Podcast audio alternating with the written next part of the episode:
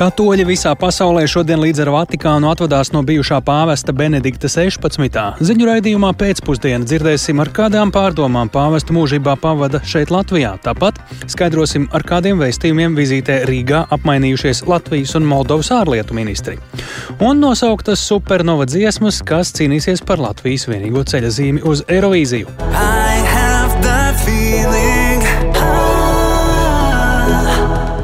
Tā Markus Rīva, viens no 15 pusfinālistiem. Redījumā pēcpusdienā vērtēsim, kāds ir kopējais šī gada pusfinālistu piedāvājums. Tas viss jau pavisam drīz programmā pēcpusdienā kopā ar mani Tālēju Puru. Labdien, ir 16,5 minūtes.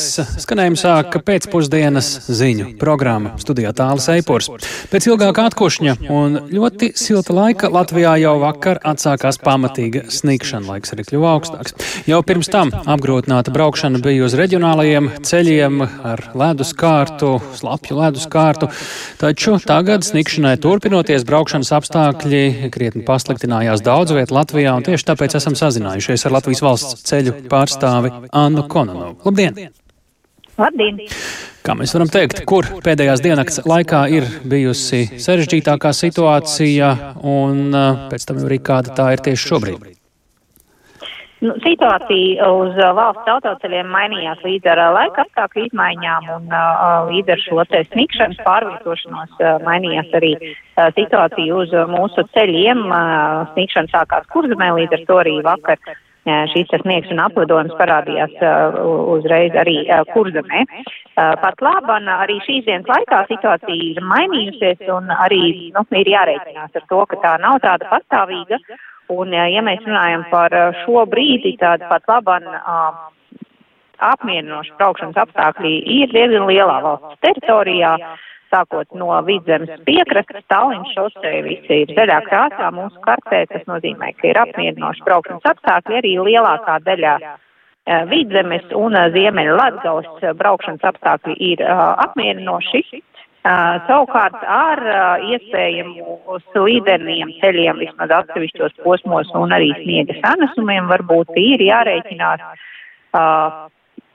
Dienvidlatgalē ir jārēķinās valsts centrālajā daļā un atsevišķās vietās arī uh, kurzemē. Kurzemē tas ir ap kuldīgu, uh, savukārt ap tukumu un dobeli pat laban mūsu karte rāda īpaši sarežģītus braukšanas apstākļus. Uh, sarkanā krāsā ir iezīmējušās teritorijas arī Bauska.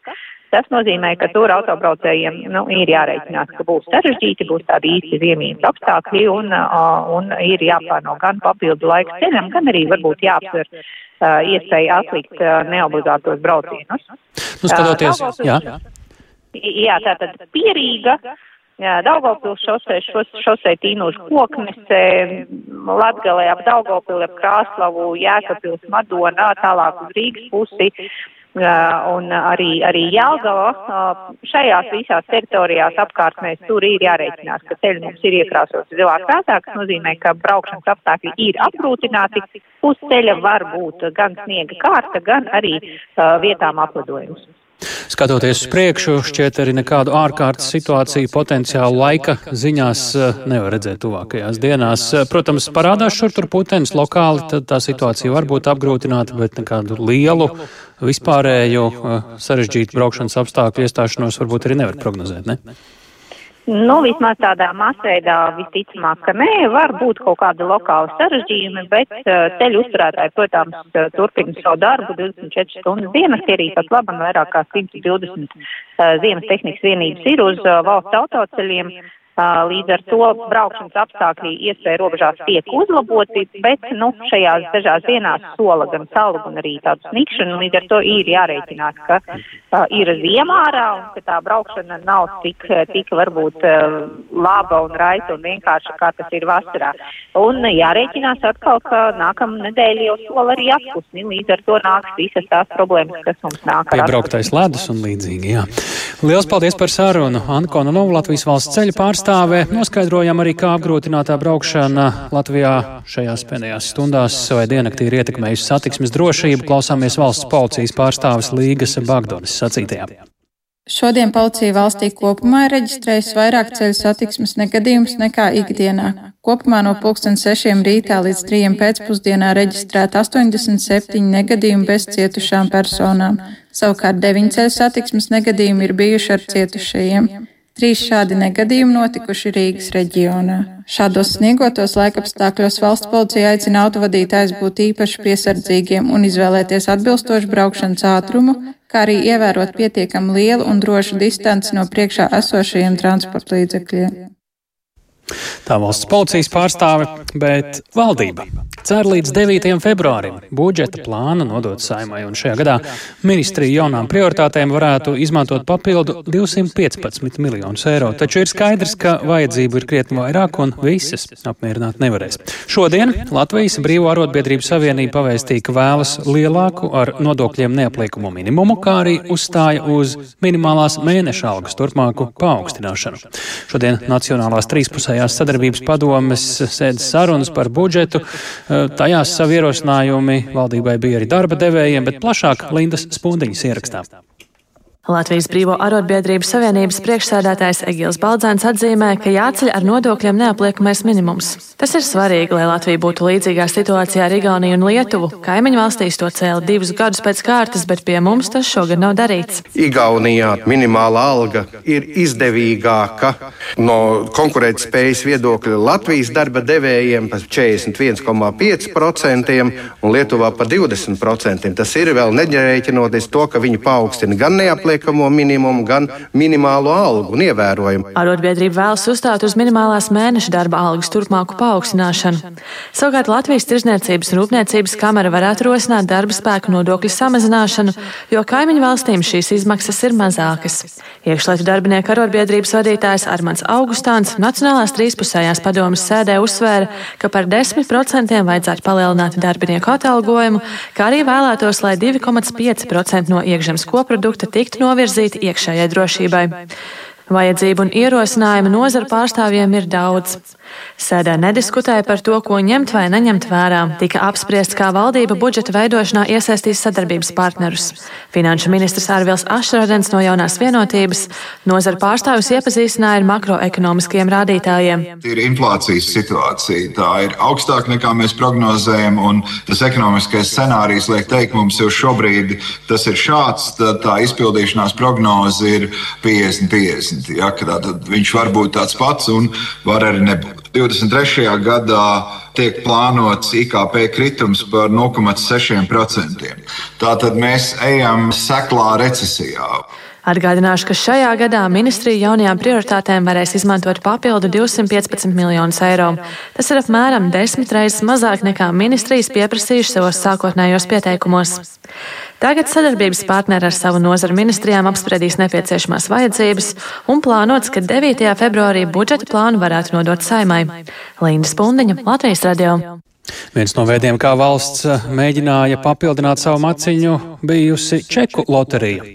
Čeku loterija šogad vairs netiks turpināta, taču līdz pat šīs dienas beigām, decembrī, saņemtos čekus un citus attaisnojumu dokumentus loterijai vēl var reģistrēt. Lai gan cilvēku interese par loteriju laika gaitā arvien ir mazinājusies, tomēr valsts ieņēmuma dienestā uzsver, ka kopumā tā ir bijusi veiksmīga, lai atklātu negodīgus uzņēmumus. Klausāmies Agnijas Lazdijas ierakstā.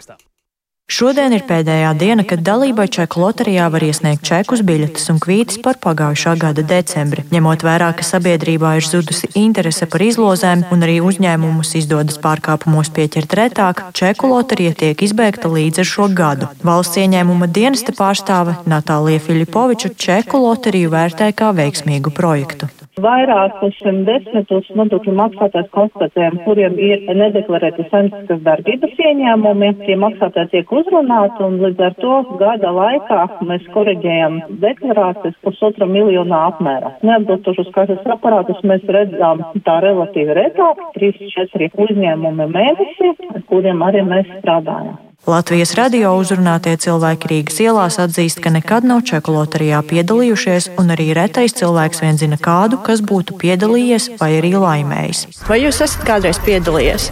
Esmu, bet atmetis laika izšķirdēšanā. Nē, nav ticamības. Es pati neesmu piedalījusies, bet es zinu, ka man uh, ir uh, draugi piedalījušies. Paziņa viena vinēja 100 eiro. Čeku loterijas laikā visbiežākie pārkāpumi bijuši mazumtirdzniecības nozarē, kā otra izplatītākā ir ēdināšanas nozare. Latvijas ēdinātāju apvienības valdes priekšsēdētājs Aigars Kaugars stāsta, ka sākotnēji loterija ir krietni palīdzējusi izskaust negodīgus ēdināšanas uzņēmumus. Izmērīt ir tiešām ļoti grūti, jo ir daudz dažādu blakus lietu, kas ietekmē maksāšanu vai nemaksāšanu, bet no čeku loterijas noteikti ir bijusi atdeve un redzot, ka cilvēkiem ir ieinteresētība, patiešām čeki tiek nosūtīti. Ir arī bijusi kaut kāda reakcija no uzņēmumiem ēdināšanas, bet efektīvāks par čeku loteriju noteikti mūsu skatījumā ir skatīties to informāciju, kas ir pieejama jau par nomaksātajiem nodokļiem. Janvārī notiks pēdējā mēneša izloze par decembri, savukārt februārī gaidāma pagājušā gada fināla izloze. Agnija Lazdiņa, Latvijas radio. Apkopojot čeku loterijas rezultātus pēdējā pusotra gada laikā pēc preventīvajiem pasākumiem un tematiskajām pārbaudēm un pēc uzņēmumu ieņēmumu dienesta aicinājumu uzņēmējiem precizēt deklarācijas, valsts budžeta ieņēmumi 2020. gadā palielināti par vairāk nekā 2 miljoniem eiro, bet eh, 2021. gadā par 1,7. 7 miljoniem. Novadiem! Šis Latvijā būs kārtējais izaicinājumiem pilnais gads izglītībā, jo būs jāturpina sakārtot skolu tīkls, kas citiem vārdiem nozīmē jālemj par mazo skolu slēgšanu vai pievienošanu citām skolām. Taču vismaz kurzemes pusē, kur pēc novadu reformas te katrā pašvaldībā jau tagad var atrast pa kādai slēgtai vai reorganizētai skolai, ar jauniem lēmumiem par skolu tīkla sakārtošanu pagaidām nesteidzas. Ingozola par to interesējās tuvāk. Un kā pirmais punkts mums ir par 4. klases skolēnu adaptāciju pamatskolā. Kalvenes pamatskolā skolotāju skolēnu brīvlaikā tiek sapulcē, lai runātu par aktuālajām norisēm. Šajā Dienvidu kurzemes novada skolā mācās tikai 69 bērni un vēl 9 bērnu dārznieki. Kaut arī šobrīd skolu negrasās slēgt, nākotne nav cerīga, saka skolas direktore Skaidrīta Segliņa. Bērnu skaits tā ļoti krasi nepalielināsies, tāpēc, ka redzam savu iedzīvotāju sastāvu, kāds ir Kalvenē, un arī redzam, ka nevaram cerēt uz tādu ļoti lielu dzimstību. Vienīgi ir tas, ka ir vecāki, kur izvēlas bērnus sūtīt uz mazāku skoliņu, jo mums mācās vairāk bērnu aizputs. Dienvidu kurzemes novadā apvienoja astoņus novadus ar vairāk nekā 40 izglītības iestādēm. Nevienu skolu pagaidām neslēgs, taču novadā tiek izstrādāta izglītības stratēģija, kas tad arī parādīs, kādus resursus optimizēs nākotnē. Pārmaiņas gaidāms drīzāk nākamgad, skaidro izglītības pārvaldes vadītāja Ginta Kampare. 2022. gadā tika slēgta Sikšņu pamatskola. Objektīvu iemeslu dēļ, jo skolānu skaits Sikšņu pamatskolā uz, uz likvidācijas brīdi bija 38 bērni. Tā, ja rēķinam, tā ir pamatskola, ja, tad varam apmēram saprast, cik katrā klasē bija bērni. Citā Kuldīgas novadā vietējās izglītības pārvaldes vadītāja Santa Dubura skaidro, ka vasarā darbību pārtrauca Laidu pamatskola. Alsungā pirmskolas izglītības iestāde pievienoja Alsungas pamatskolai, bet Kuldīgas otrā vidusskola pārtapa par Indriķa Zeberiņa Kuldīgas pamatskolu. Arī Skrundas vidusskola kļūs par pamatskolu. Bet šobrīd vēl šis mācību gads un nākamais mācību gads, tātad 11. un 12. klase, kuri ir sākuši mācības šajā skolā, vidējās izglītības programmā, viņi arī šo skolu kā vidusskolu pabeidz. Un pēc diviem gadiem tad Krundā skola kļūst no vidusskolas par pamatskolu. Citas izmaiņas Kuldīgas skolu tīklā šobrīd netiek plānotas. Tikmēr Ventspils novada izglītības pārvaldes vadītāja Aina Klimoviča stāsta, ka ņemot vērā izglītojamo skaitu, jau 2021. gadā Piltenes vidusskola kļuva par pamatskolu. Notika arī citas pārmaiņas. Pagājušajā mācību gadā tika slēgta anarchistas pamatskola, tā bija bērniem ar speciālām vajadzībām.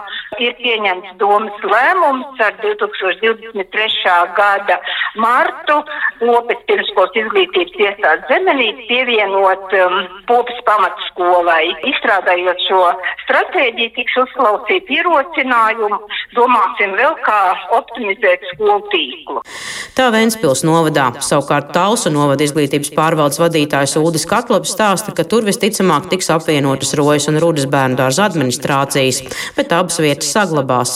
Vēl notiek diskusijas par Kolkas pamatskolu, kas visticamāk kļūs par sākuma skolu.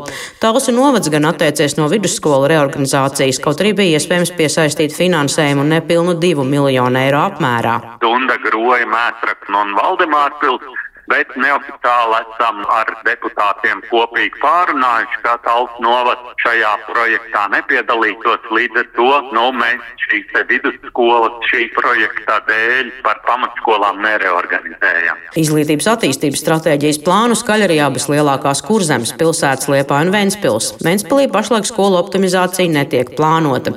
Liepājā tikmēr notiek apjomīga skolu tīkla izpēte. Ingozola Latvijas radio kurzemē. Šis ir ziņu raidījums pēcpusdienā, ar jums runā tāls eipurs un pēc brīža plašāk par šādiem tematiem. Ukrainas atbalsta akcijā Latvijā saziedot nu, jau vairāk nekā 5000 kg adījumu, kā uz svinīgo atvadīšanos no bijušā Romas pāvesta Benedikta 16. raugās ticīgie Latvijā un ir izraudzīti arī dziesmu konkursu supernovu pusfinālisti.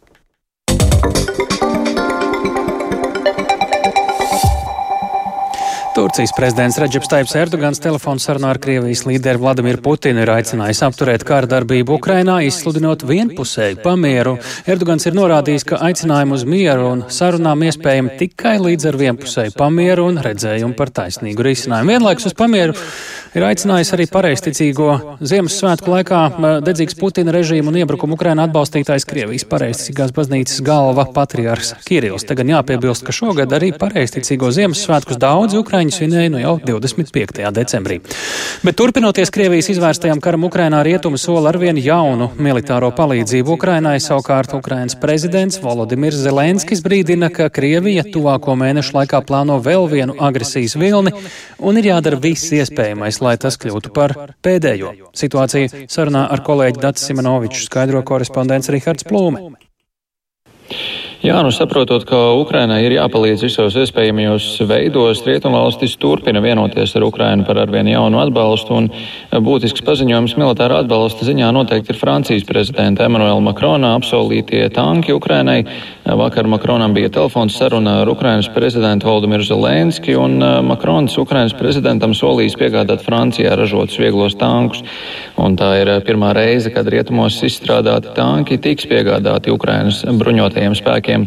Pagaidām gan nav zināms, cik tanku Francija piegādās Ukrainai un kad Francijas aizsardzības ministrija paziņoja, ka abu valstu aizsardzības ministri drīzumā apspriedīs šo jautājumu detalizētāk. Šie tanki, kas tiek izmantot kopš pagājušā gadsimta 80. gadiem, ir salīdzinoši ļoti viegli un mobili. Eh, tie ir paveci, bet darbojas labi, tā norādīja Francijas amatpersona.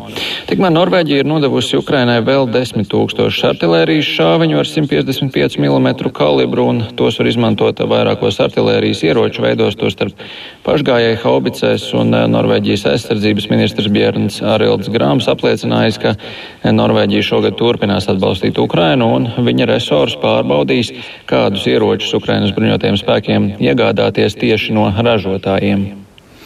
Un, ja runājam par atbalstu, tad ļoti būtisks ir bijis arī Amerikas Savienoto Valstu atbalsts Ukrainai, vai arī no šīs valsts ir kādi jauni paziņojumi?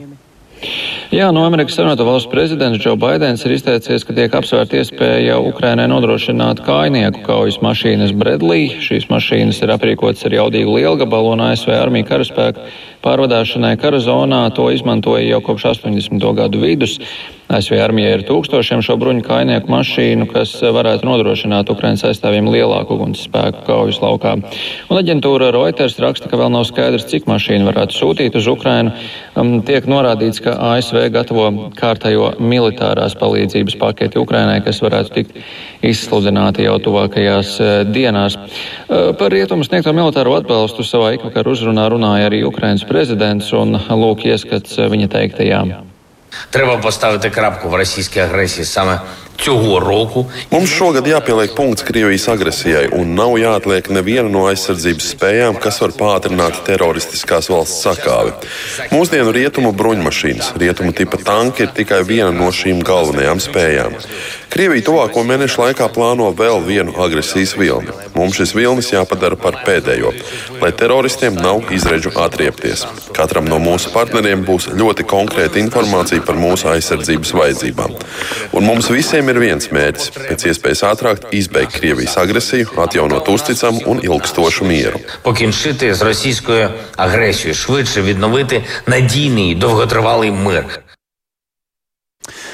Lūk, tā. Uh, Ukrainas prezidents, bet uh, te jāpiemina, ka tā tad Ukraina uzskata, ka Krievija gatavo eskalāciju un sāsinājumu frontē februārī. Par to, piemēram, liecinot arī mēģinājumu Eiropas līderis šobrīd pārliecināt piespiest Ukrainu parakstīt uh, zināmus miera līgumus. Starp citu, tieši šodien Ukrainas pārstāvji iepriekš ir likuši jau manīt, ka iespējamo jaunās mobilizācijas izsludināšanas datumu Krievijā jāgaida ziņas no kaimiņu valsts, vai tas apstiprinās. Bet Ukrainas atbalsta akcijā tepat Latvijā saziedoti nu, jau vairāk nekā 5000 kg adījumu karavīriem, iedzīvotājiem un bēgļiem. Mums uz sarunu pievienojusies viena no akcijas iniciatoriem biedrības Mēs iecavai pārstāve Lauma Neimane. Labdien! Labdien! 5000 kg tas izklausās ļoti daudz, jo adījumi taču nu, nav nemaz tik smagi. Nu, īstenībā jā, jo zeķis viens, ver, viens pāris zeķis ver apmēram 100 grami.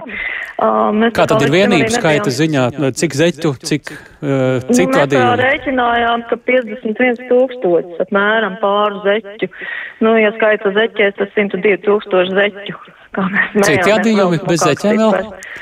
Uh, ir tā īstenībā, ka mēs tā īsti rēķināt, uh, mums neiznāk laika, mēs kā saņemam, tā sapakojam, pareizāk to dara tavi draugi tālāk. Uh, sapako un sūta uzreiz prom, viņi nekrājās tā kaudzītē, vienkārši ekspres pasts uzskaita aptuvenos kilogramus. Cik lielā kravā, cik daudz, piemēram, ietilpst šādu adījumu? Patiesībā ir tā, ka nav tā, ka to kravu sūta kā tikai adījums. Viņi nāk klāt pie lietām, kas ir gan pārtika, gan, nu, jebkura lieta, kas ir pieprasīta no Ukrainas, tam klāt nāk arī, nu, kur, kur tiek pieprasīti adījumi, tur nāk Jā, klāt arī aha. adījumi. Atgādiniet īsumā akcijas mehānismu un būtību. Nu, akcijas mehānisms ir tāds, ka uh, tie cilvēki, kas dzīvo Rīgā, un, un, un tiem ir ļoti viegli nodot uh, šīs lietas uh, cilvēkiem. Bet uh, mēs tāpēc piesaistījām Latvijas pastu, un Latvijas pasts ļoti mums atsaucās, ka mēs tad varam savākt pa visu Latviju šos te adījumus. Un tad tie adījumi tiek nesti uz pasta nodaļām, nodītājām. Pasta nodaļas viņas kā bezmaksas sūtījumu pieņem, tālāk nosūta uz ekspres pastu, un ekspres pasts jau ved uz taviem draugiem uz Ventspils ielu 50. Un tālāk no turienes tie adījumi tiek novirzīti uz fronti, uz uz, uz, uz Ukrainu. Jā. Un rīznieki nes nevis uz pastu, bet uz kurieni? Rīznieki nes arī dažādi. Vienkārši Rīgā ir lielāka iespēja un vairāk biedrību, un, un tur, tur nav tādas problēmas kaut kur atrast, kur nodot šos te ziedojumus. Šobrīd akcija tā tad vēl turpinās. Šobrīd akcija noslēgusies. Uh, mēs domājam, Aha. ka mazliet jāievelk elpa, jo bija ļoti garš maratons sākot jau no septembra. Uh, Un, un, un, un varbūt, ka šobrīd ir tā, ka uh, adītājs, uh, nu, kuras ir vēl čaklas adītājs un kuras jūt, ka var un, un, un, un ir tā vēlme vēl adīt, uh, doma ir uh, janvāra beigās atsākt. Pastā šobrīd tad nepieņem uz kādu laiku? Šobrīd kādu laiku mēs iepauzējam, jo ir jāatpūšās mazliet un jāsaprot arī, kā, kā precīzāk. Varbūt, ka tiešām nevajag tik ilgu laiku, tad. Uh, nu, tad cilvēki nenes tik intensīvi.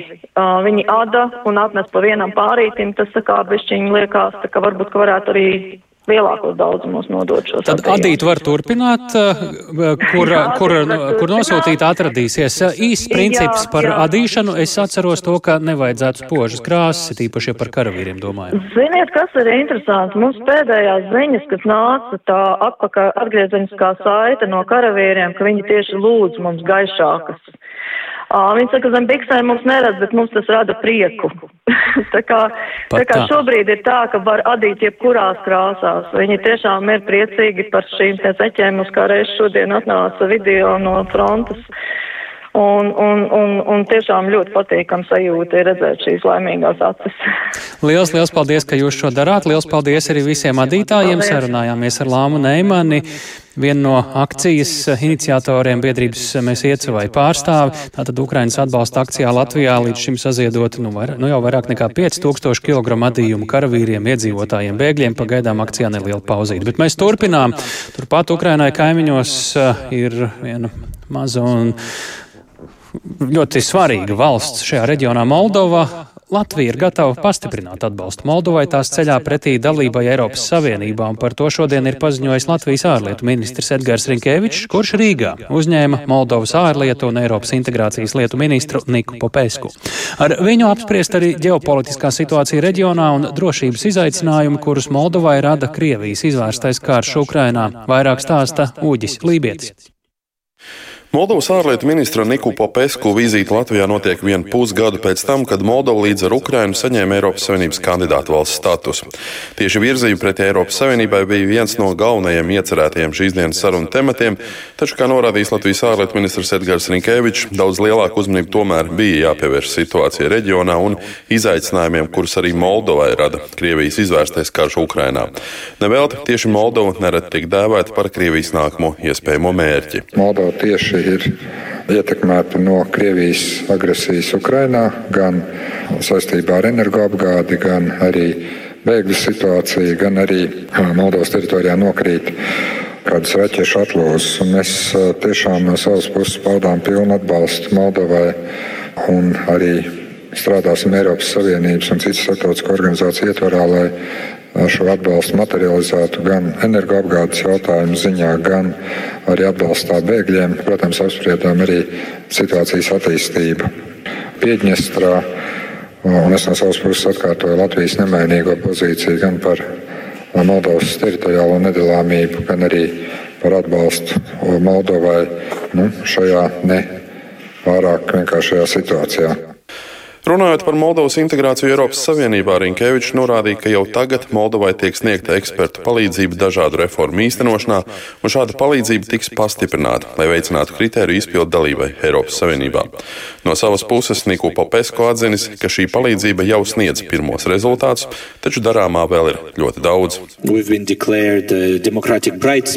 Globālajā demokrātijas ziņojumā mēs esam nosaukti par demokrātijas gaišo punktu. Eiropas padome ir paaugstināta paaugstinājusi mūsu reitingu cīņā ar naudas atmazgāšanu. Mēs esam par 49 vietām cēlušies reportieru bez robežām ziņojumā par preses brīvību valstī. Mēs esam paveikuši arī daudz citu lietu, kuras starptautiski ir atzītas par progresu virzībā pretī tam, lai mūsu valsts tiktu uzskatīta par brīvu, demokrātisku un eiropeisku. Niku Popesku atzīst, ka Krievijas kara dēļ Moldovai arī jāsaskars ar strauju cenu kāpumu un ekonomiskajām grūtībām grūtībām, vienlaikus paužot cerību, ka ar rietumu sabiedroto, tostarp arī Latvijas palīdzību, šādus izaicinājumus izdosies pārvarēt pēc iespējas īsākā laikā. Uģis Lībijams, Latvijas radio.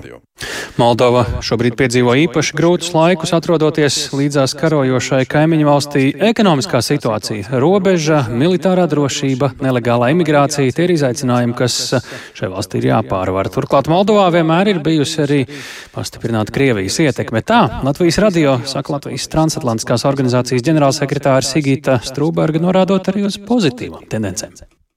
Pozitīvie signāli ir saistīti gan ar uh, maija standu un arī pro-eiropeiskās valdības darbību. Tāpat situācija Piedņestrā, kas ir stabilizējusies pēc aprīļa, tomēr joprojām ir gana bīstama, uh, ņemot vērā to, kā Piedņestrā atrodas uh, Krievijas uh, militārie spēki. Tāpat situācija negatīvi ietekmē arī pro-kremlisko oligarhu ietekme, kas pastāv. Tātad šie kanāli un ceļi ir ļoti daudz. Un, protams, arī informācijas telpas izaicinājumi ir saistīti ar uh, Kremļa spēju ietekmēt informācijas plūsmas. Tā Sigita Strūberga. Desmitiem tūkstošiem cilvēku klātienē un miljoniem attālināti šodien vēroja Vatikānā notikušo svinīgo atvadīšanos no bijušā Romas pāvesta Benedikta 16. Viņš nomira 31. decembrī 95 gadu vecumā. Bēru ceremoniju vadīja pašreizējais katoļu galva pāvests Francisks. Viņš amatā stājās 2013. gadā tieši pēc Benedikta 16. atkāpšanās. Plašāk par šo notikumu klausāmies Ulda Ķezbera ierakstā.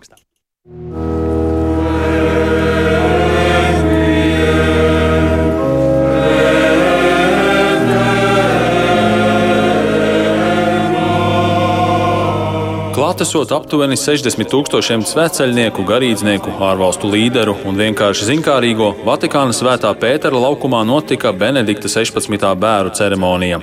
No cipreses koka izgatavotais šķirsts ar bijušā pāvesta mirstīgajām atliekām bija novietots uz kāpnēm svētā Pētera bazilikas priekšā. Pāvests Francisks lasīja sprediķi, kurā viņš izcēla sava priekšgājēja ilgstošo kalpošanu baznīcai un ticīgajiem visā pasaulē. Dieva ticīgo tauta sanākusi kopā, pavada savu bijušo ganu un uztic Dievam viņa dzīvi. Tāpat kā evaņģēlijas sievietes pie kapa, mēs esam šeit ar pateicības smaržām un cerības mirrēm lai vēlreiz apliecinātu viņam savu mīlestību, kurai nebūs gala. Mēs gribam to darīt ar tādu pašu svaidījumu, gudrību, smalkjūtību un atdevi, kādu viņš izplatīja gadu gaitā. Mēs vēlamies kopā teikt: Tēvs, tavās rokās mēs nododam viņa garu. Benedikt, uzticīgais līgavaina draugs, lai tavs prieks būtu pilnīgs, galīgi un uz visiem laikiem dzirdot viņa balsi.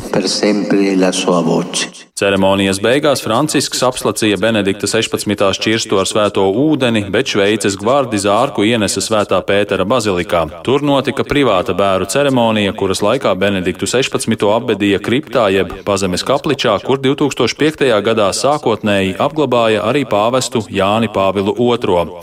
Būtiski izcelt, ka šī bija pirmā reize mūsdienu vēsturē, kad amatā esošs pāvests izvadīja mūžībā savu priekšgājēju.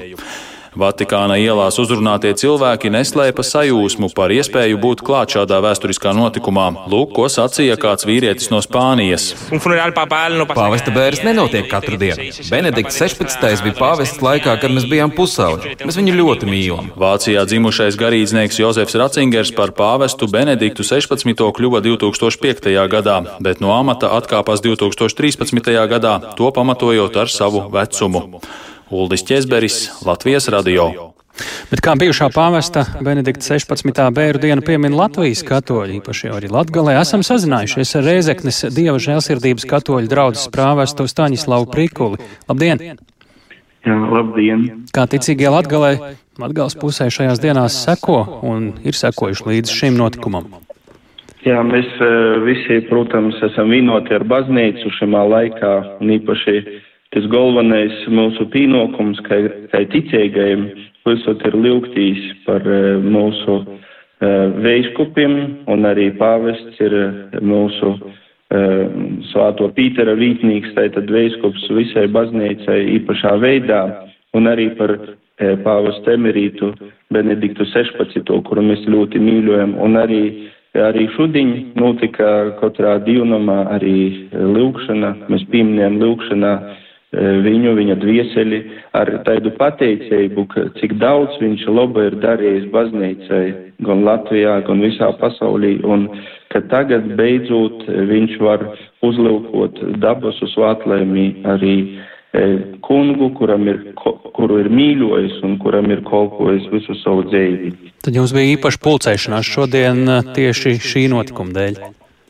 Jā, nu tas ir, kā parasti mums notiek divkolpojumi katru dienu, divnami ir atvērti katru dienu pēc iespējas un katru dienu notiek svāto misē, bet eh, kas ir arī lūkšana, baznīcas lūkšana, bet arī īpaši šodien eh, cilvēki īnokot divnamā varēja pieminēt eh, vīnotīs ar visu baznīcu tīši tādā veidā, jo lūkšana vīnoja mūs visus un lūkšana ir tas te pateicība viskaistāko, ko mēs varam dovot cilvēkam, kurš ir aizgojis mūžībā, lūdzot par viņa dvieseli un izsakot pateicību Dievam par to ceļu, ko ir gojis. Vēl ko gribētu pieminēt, ka tīši katra pāvesta uzdevums ir tīši norodiet uz Kristu, kurš ir mūsu vidā, kurš mūs gaida, un viņš ir saiemis šo kolpojumu tīši, lai norādītu, cik uh, Dievs mūsus visus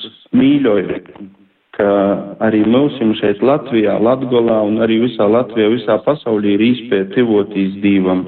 Un uh, par to mēs varam būt droši, ka arī pāvestam, kurš jau ir mūžībā, emerītam, ir vislielākais prīks redzēt, ka cilvēki šimā dīnā ir vienoti lūkšanā, ka arī mēs tuvojamies Dievam, arī lūdzot par viņa dvieseli. Ja mēs žurnālisti vai arī, piemēram, vēsturnieki Benediktu 16. saista ar to, ka mūsdienu vēsturē viņš bija pirmais, kas eh, izlēms eh, pamest amatu, eh, bet nevēl viņš jau tika izraudzīts par pāvestu, acīm redzot, viņš bija pietiekami ietekmīgs ticīgo pasaules līderis, ar ko, ar kādu šķautni viņš baznīcas vēsturē paliks kādā minūtes laikā, jūs varbūt varat radīt priekšstatu. Jā, nu pats galvenais, ka viņš ir bijis ilgu laiku arī E, e, ticības e, šīs kongregācijas prefekts, tātad, kurš rūpējās par to, lai arī mēs mūsu dīnu pasaulī neaizmirstam un arī padziļinojam ticības bogotību. Tātad, un arī kļūstot par pāvestu, viņš arī pirmkort izaceļās ar savu pazemību un ar savu Eh, pilnīgu veltīšanos eh, tīši kolpojumu, ka mēs to visi redzējām mūsu acu priekšā, kā arī, ka jūs pīminiet, ka tīši viņš bija tas, kurš eh, arī pilnībā apzinojoties, cik svarīgs ir šis kolpojuma uzdevums, kad pīnots arī viņa laiks, bija gatavs arī pieņemt šo svarīgo lēmumu, par ko mēs Jā. arī esam visi pateicīgi un redzam, cik tas bogotīgus augļus nes, ka mums ir Pāvils Francisks, kurš arī turpināja šo svarīgu uzdevumu baznīcā tagad. Paldies par sarunu. Sakām Reizeknes Dieva žēlsirdības katoļu draudzes prāvestam Staņislavam Prikulim. Jūs klausāties eh, ziņu raidījumu pēcpusdienā. Mums ir vēl viens stāsts, vēl viens šodienas notikums. Ir izraudzīta dziesmu konkursu Supernova 15 pusfinālisti. Žūrijas izraudzītie mūziķi 4. februārī Latvijas televīzijas tiešraidē sacensties par iekļūšanu jau konkursu finālā un vēl tad nedēļu vēlāk noskaidros, kurš no viņiem Latviju pārstāvēs Eirovīzijas dziesmu konkursā Liverpoolē.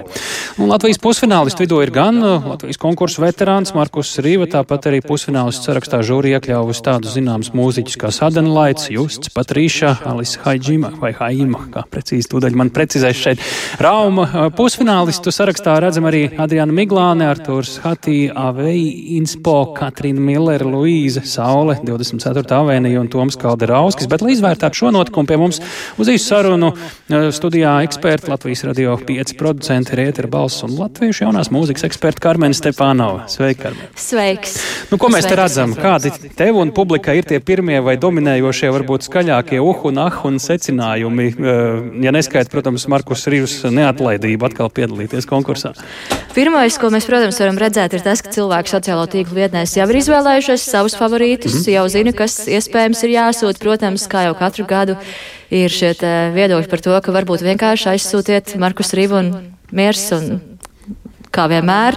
Bet, protams, arī ļoti daudz jaunu vārdi, kas eh, sevi var parādīt. Eh, neizceļot nevienu, bet tomēr izceļot sauli, kas eh, jau gadiem ir Saule. darbojies, jā, kas gadiem darbojas mūzikā un kas iespējams sevi šādi parādīs daudz lielākai publikai, kā tas mēdz būt ar supernovu, ka pat tad, ja tu neesi finālists un neesi tas, kurš brauks uz Eirovīziju, tu iegūsti jaunus klausītājus sev. Nu šeit var redzēt jau kaut kādus favorītus, kurus tajos pašos sociālajos tīklos piemin biežāk?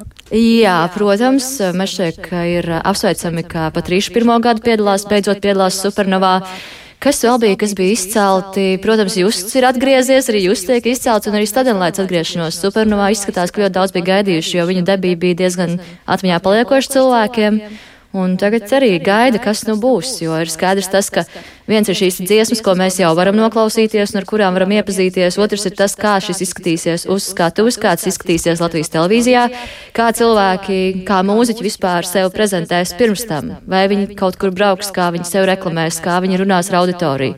No tā arī diezgan vai daudz skandāls nebūs. Jā. Skandāls, varbūt arī apģērbi nepatiks vai patiks kādam. Tur nu, vienmēr kā pienāk supernovā, tie ir tie pirmie lielie svētki, kas uh, iezvana Eirovīziju un ir cilvēki, kas ļoti cītīgi sekotam līdzi. Tīri muzikāli ir kādi skaņdarbi, kuri ir būtiski atšķirīgi, pievērš uzmanību, vai kuri ir tādi, ka ir diezgan skaidrs, ka nu, tie vismaz uz trīnieku varētu pretendēt Latvijā šeit. es esmu divas reizes paspējis iziet cauri šīm dziesmām. Jā. Tas, kas um, ir manāms, ir šīs te tendences ka mēs Jā. esam cītīgi klausījušies, kas notiek ārzemēs. Deju popmūzika ir ļoti populāra šajās dziesmās. Šobrīd es neizceltu varbūt kādu vienu, kurš noteikti aizies, bet ir arī mūziķi, kuri ir pamanījušies šīs dziesmas jau pirms tam parādīt. Līdz ar to tas varbūt vairs ir nav pārsteigums. Jā, un tu jau esi iepazīstinājies ar to, kā tu skanēsi, bet Labi. eh, nevaram iztikt bez klasiskiem žanriem. Balādes, balādes Tie arī ir.